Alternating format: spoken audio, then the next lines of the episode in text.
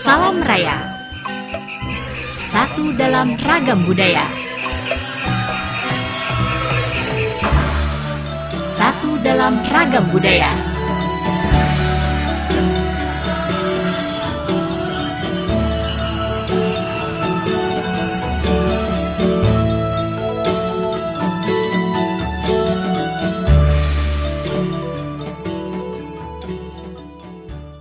Sahabat edukasi, selamat berjumpa kembali dengan program Salam Raya, satu dalam ragam budaya.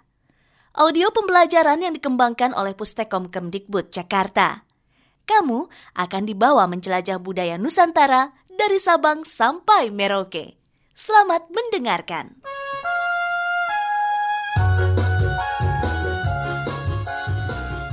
Sahabat edukasi, Irfan dan Dewi adalah dua sahabat baik yang sama-sama menyukai ragam budaya Indonesia. Kali ini, Irfan ingin mengajak Dewi untuk mengunjungi festival lagu-lagu daerah yang diadakan di Taman Ismail Marzuki, Jakarta.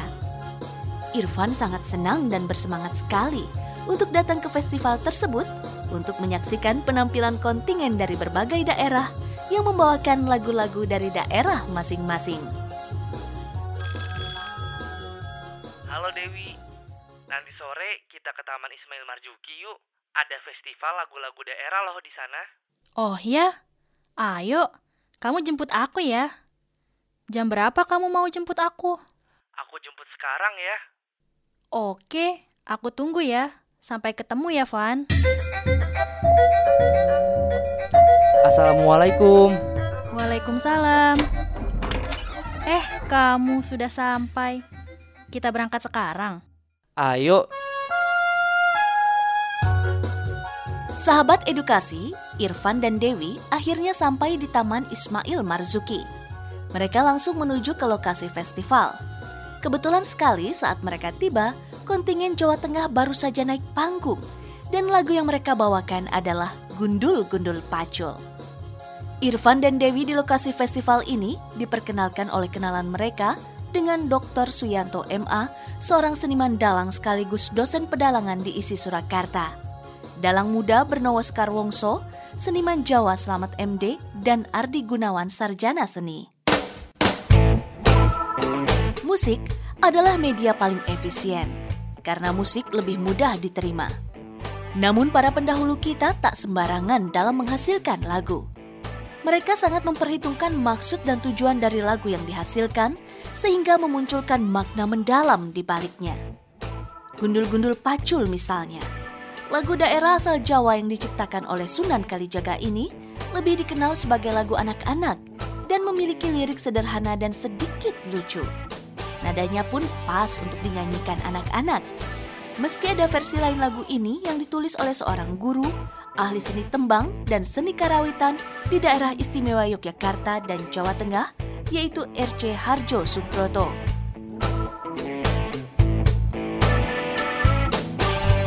Pak Suyanto, bisa dijelaskan sejarah terciptanya lagu Gundul-Gundul Pacul? Gundul-gundul pacul itu sebenarnya itu kan lagu pasemon ya.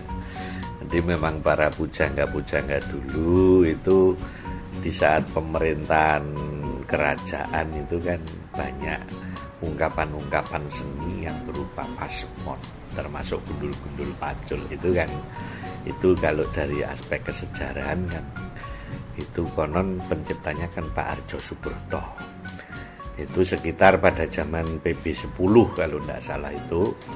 Pak Arjo Subroto itu selain suka berkesenian juga penulis buku.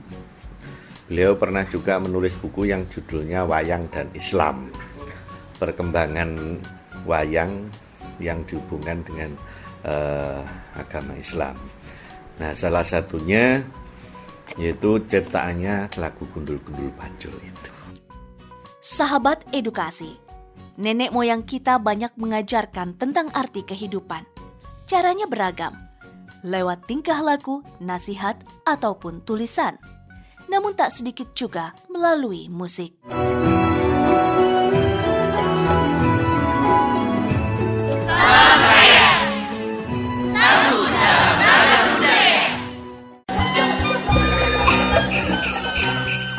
Salam Raya. Satu dalam ragam budaya. Sahabat edukasi, lagu Gundul-Gundul Pacul punya makna mendalam di baliknya. Kata pertama yang disebut dalam lagu ini yakni gundul atau kepala yang tak memiliki rambut. Kita tahu bahwa kepala adalah lambang kemuliaan atau kehormatan seseorang. Sedangkan rambut adalah lambang mahkota. Artinya, seseorang yang menjadi pemimpin secara otomatis memiliki kehormatan yang melekat. Akan tetapi, kehormatan juga mesti dibarengi dengan mahkota. Mahkota yang dimaksud adalah kejujuran, keadilan, dan yang terpenting adalah sadar akan posisinya sebagai pelayan rakyat. Dalam segmen kali ini, kamu dapat mendengarkan penjelasan dari dosen isi Surakarta, Dr. Suyatno, mengenai makna bait per bait dari syair lagu Gundul-Gundul Pacul. Apa makna yang terkandung dalam bait-bait syair lagu Gundul-Gundul Pacul ini, Pak? Gundul-gundul pacul kembelengan Nyunggi-nyunggi wakul kembelengan Wakul nglimpang segane dadi latar Gundul itu kan kepala. Kepala yang tanpa rambut. Nah, Jadi gundul, pelonco, pelontos gitu. Nah, Padahal rambut itu kan lambang mahkota ya. Kepala itu kan pemimpin Itulah pacul itu alat yang sangat common digunakan oleh para petani. Nah, alat untuk mencangkul sawah, mencangkul ladang kan begitu. Jadi istilahnya nek wong Jawa salat golek sandang pangan itu pacul lah. Pacul itu kalau orang Jawa uh, punya istilah nyam, apa yang disebut jarwodoso. Pacul iki papat sing ora kena ucul kan begitu. Nah, papat sing ora kena ucul ki apa? Kepala itu pimpinan, seorang pemimpin itu ketika pemimpin itu diberi tanggung jawab harus memelihara yang empat itu jangan sampai ucul artinya jangan sampai lepas. Nah, empat itu apa? Kalau bahasa Jawanya ada empat ho atau empat o itu hangucap hamawas hangrungu hanggondo jadi itu kan indera. Hangucap itu indera mulut gitu. kemudian hamawas itu mata hangrungu itu telinga, hanggondo itu hidung. Ya. Jadi seorang pemimpin itu sebenarnya harus selalu cermat, mawas diri dan juga melihat kanan kiri keadaan negara atau rakyatnya. Seperti apa? Kemudian mendengar suara rakyatnya, mendengar suara masyarakatnya. Kemudian apa Anggondo itu mencium ya mencium keadaan negaranya keadaan lingkungannya mencium keadaan rakyatnya gitu berucap harus hati-hati karena pangucap itu istilahnya kalau orang Jawa menyebut ini senjata cokro, senjata pamungkas gitu.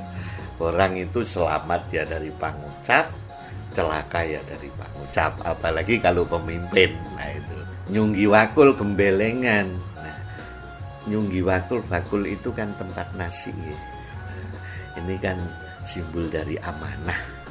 Nah, ketika diberikan amanah jangan gembelengan. Gembelengan itu ngeleleng sombong kemaki jadi yang tadinya nggak punya mahkota, nggak punya kekuasaan, tapi ketika diberi kekuasaan, jangan gembelengan, jangan sombong, jangan kemaki. Karena apa? Akhirnya bakule bisa ngelimpang, nah, akhirnya jatuh. Kalau jatuh segane tadi salatar.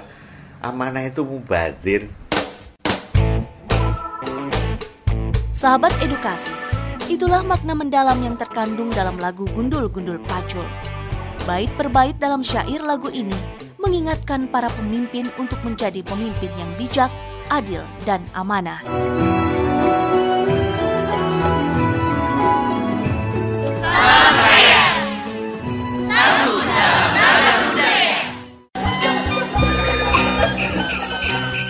Salam Raya.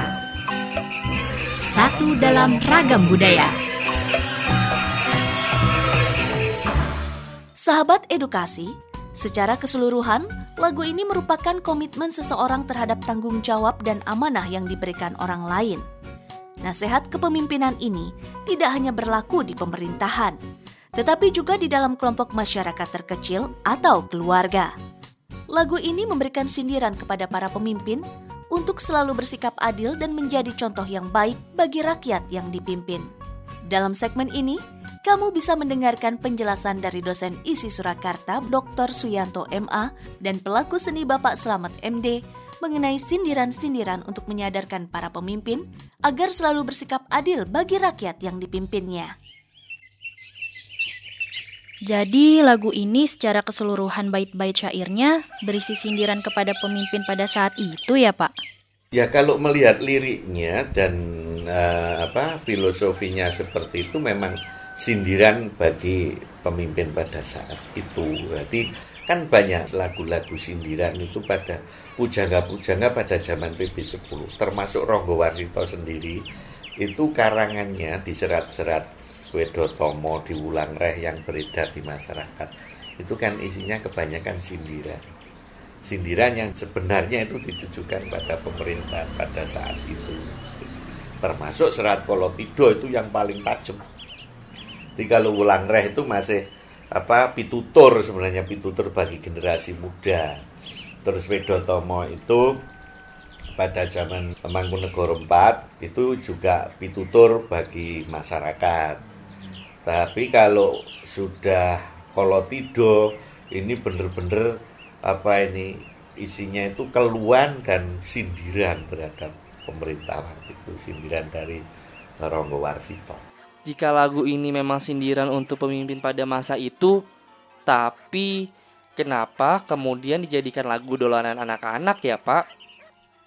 Pada awalnya fungsi dari lagu Gundu-Gundu Kacul itu sebagai sindiran diciptakan atau direktor oleh para leluhur kita itu untuk sindiran untuk mengingatkan para pemimpin para pemimpin itu kalau sudah mendapat amanah ya dilakukan dengan dipacul dengan baik. Dipacul itu yang jauh tadi empat di ojo nganti ujung empat itu amanah itu. Kemudian dipakai untuk anak-anak. Kenapa anak-anak? Anak-anak sebagai generasi muda. Kalau itu sebagai dolanan anak-anak zaman dulu anak-anak akan tahu oh, aku gundul kok elek dan gini kan itu. Nah di situ anak sebagai untuk permainan dan sekaligus untuk memberi suatu pelajaran pada anak-anak. Edukasinya di situ. Nah dengan edukasi situ anak-anak zaman dulu tahu nak gundul di gundul pacu di pacu ada makna-makna yang ada pada anak itu sehingga nanti lama-lama dia mengetahui sendiri. Oh sebenarnya gundul itu pimpinan gini-gini itu dulu terus kemudian fungsinya menjadi lagu dolanan. Kenapa lagu dolanan? Untuk menanamkan sikap karakter pada anak sejak dini. Itu pendidikan orang dahulu gitu seperti ada pralambang ojo linggih ning lawang gak ilok. Ojo lingguh ning bantal mundak udunen. Padahal itu tidak tahu sebenarnya anak wah aku rawani ini ndak udun. Padahal kalau kalau itu dipakai tidur kok di apa pakai duduk kan enggak itu jangan kotor. Kemudian ojo nganggu kukusan. Itu juga ada pralambang bahwa kukusan itu kan untuk menanak nasi. Kalau dipakai kepala ya pak kepala ada kudisnya ada tumanya kan bisa di situ. Itu seperti pralambang sahabat edukasi tembang dolanan gundul-gundul pacul ini pada masa dahulu sangat populer di masyarakat lagu atau tembang ini menceritakan tentang anak yang rambutnya dicukur pelontos atau gundul dalam sebuah permainan anak atau dolanan anak-anak, si anak gundul ini dijadikan objek ledekan. Tembang tersebut sebagai bahan ledekan atau bercanda dengan teman-teman sebayanya yang dipotong pelontos alias tidak punya rambut. Lagu Gundul-Gundul Pacul yang merupakan tembang dolanan ini memiliki makna dari gundul yang tidak hanya mencerminkan tentang kepala yang melambangkan mahkota tetapi jangan sampai menilai orang hanya dari tampilan luar.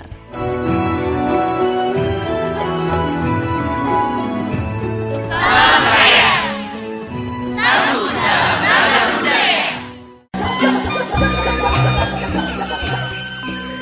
dalam ragam budaya. Sahabat edukasi, di negara kita, animo generasi muda terhadap musik tradisional bukan menjadi musik favorit. Mereka menganggap musik tradisional sebagai sesuatu yang kuno dan ketinggalan zaman. Padahal, lagu yang biasanya diiringi alat musik gamelan ini mengajarkan pedoman hidup. Seharusnya, generasi muda tidak hanya mengenal lagu modern saja, tetapi lagu daerah sangatlah penting untuk dikenal. Dan makna dari lagu tersebut dapat dijadikan pedoman untuk hidup masyarakat. Nah, di segmen ini, kamu dapat mendengarkan penjelasan mengenai perkembangan lagu-lagu daerah seperti gundul-gundul pacul di tengah masyarakat sekarang ini dan bagaimana animo anak-anak muda untuk mengenal lagu-lagu daerah. Bagaimana perkembangan lagu gundul-gundul pacul ini sekarang? Kalau saya melihat dari aspek perkembangan seni suara dan seni musik, ternyata gundul-gundul pacul itu kan juga di, pernah dilakukan oleh siapa ya, Plus Plus apa siapa itu dari grup band gundul-gundul pacul, bahkan bukan hanya anak-anak yang melakukan. Dan juga saya sering mendengar di SD ini kan ada sekarang ada rekaman yang beredar gundul-gundul pacul, cuplak-cuplak suang dengan menggunakan musik ini, musik modern. Itu. Artinya bahwa lagu itu masih di masih dimaui. Dan anak-anak masih mau mendengar termasuk jaranan apa itu. Karena rangkaiannya itu jaranan gitu. Pacul kayaknya satu rangkaian. Anak-anak masih mau menyanyi tapi memang ini saya kira tidak sekedar dikenalkan lagunya. Bila perlu anak-anak ya diberitahu maknanya. Tetapi jika dibandingkan dengan dahulu, bagaimana perkembangannya? dulu sangat populer sekali jadi ketika bocah dulan ngon kalau dulu padang bulan di desa itu sering kali nyanyinya itu. Atau mungkin karena dulu IT tidak sepesat ini jadi anak desa dulu sangat polos tembangnya ataupun lagunya yang dikuasai eh cuma gunung-gunung pacul. Tapi sebenarnya teman-teman itu menarik dan tidak mengubah kebiasaan anak sekarang seperti sekarang. Jadi ketergantungan kepada gadget itu membuat lagu-lagu terus otomatis itu akan beralih kepada permainan permainan gadget juga. Itu sangat berpengaruh sekali. Sahabat edukasi, sebagai generasi muda, sudah seharusnya kita ikut melestarikan budaya kekayaan bangsa, seperti lagu-lagu daerah. Di sisi lain, upaya-upaya mengenalkan lagu-lagu daerah kepada generasi muda juga harus lebih gencar dilakukan dengan menggunakan saluran media komunikasi yang tersedia. Apa yang harus dilakukan generasi muda untuk ikut melestarikan lagu-lagu daerah? Oh, harapan saya dan pesan saya untuk anak muda sepantaran saya nggih. Minimal harus bisa kalaupun tidak hafal dan tidak tahu maknanya minimal menghargai. Menghargai itu sangat penting. Syukur-syukur masih mau mempelajari gundul-gundul pacul dan jangan malu untuk menjadi orang Jawa. Dengan perkembangan teknologi seperti sekarang ini, bagaimana caranya mengenalkan lagu-lagu daerah kepada generasi muda ya Pak? Ya istilahnya anak-anak zaman now ya itu kita nggak bisa anak sekarang tetap kita tuntut kayak zaman kita dulu. Kita juga melihat kalau sekarang misalnya oh sekarang itu teknologi semakin canggih. Mungkin anak lebih suka dekat dengan benda itu daripada yang lain. Ya apa yang ada kita manfaatkan. Misalnya dengan yaitu alat rekam dengan YouTube dengan Google video dan sebagainya itu saya kira yang bisa dimanfaatkan untuk mengenalkan nilai begitu itu. Saya kira salah satu cara kita nggak perlu pokok terus manu ke belakang kalau dulu begini ya nggak harus begitu. Bahkan mungkin ya lirik itu tetap bisa disampaikan dengan lagu yang divariasikan bisa saja gitu. namanya karya seni itu seni itu harus selalu berkembang jangan sampai stagnan Sahabat edukasi, sebagai generasi muda, kamu juga memiliki tanggung jawab untuk ikut melestarikan kesenian daerah. seperti lagu-lagu daerah yang menjadi salah satu kekayaan budaya bangsa. Jika tidak hafal atau mengerti maknanya, paling tidak kamu mengetahui dan menghargai keberadaan lagu-lagu daerah.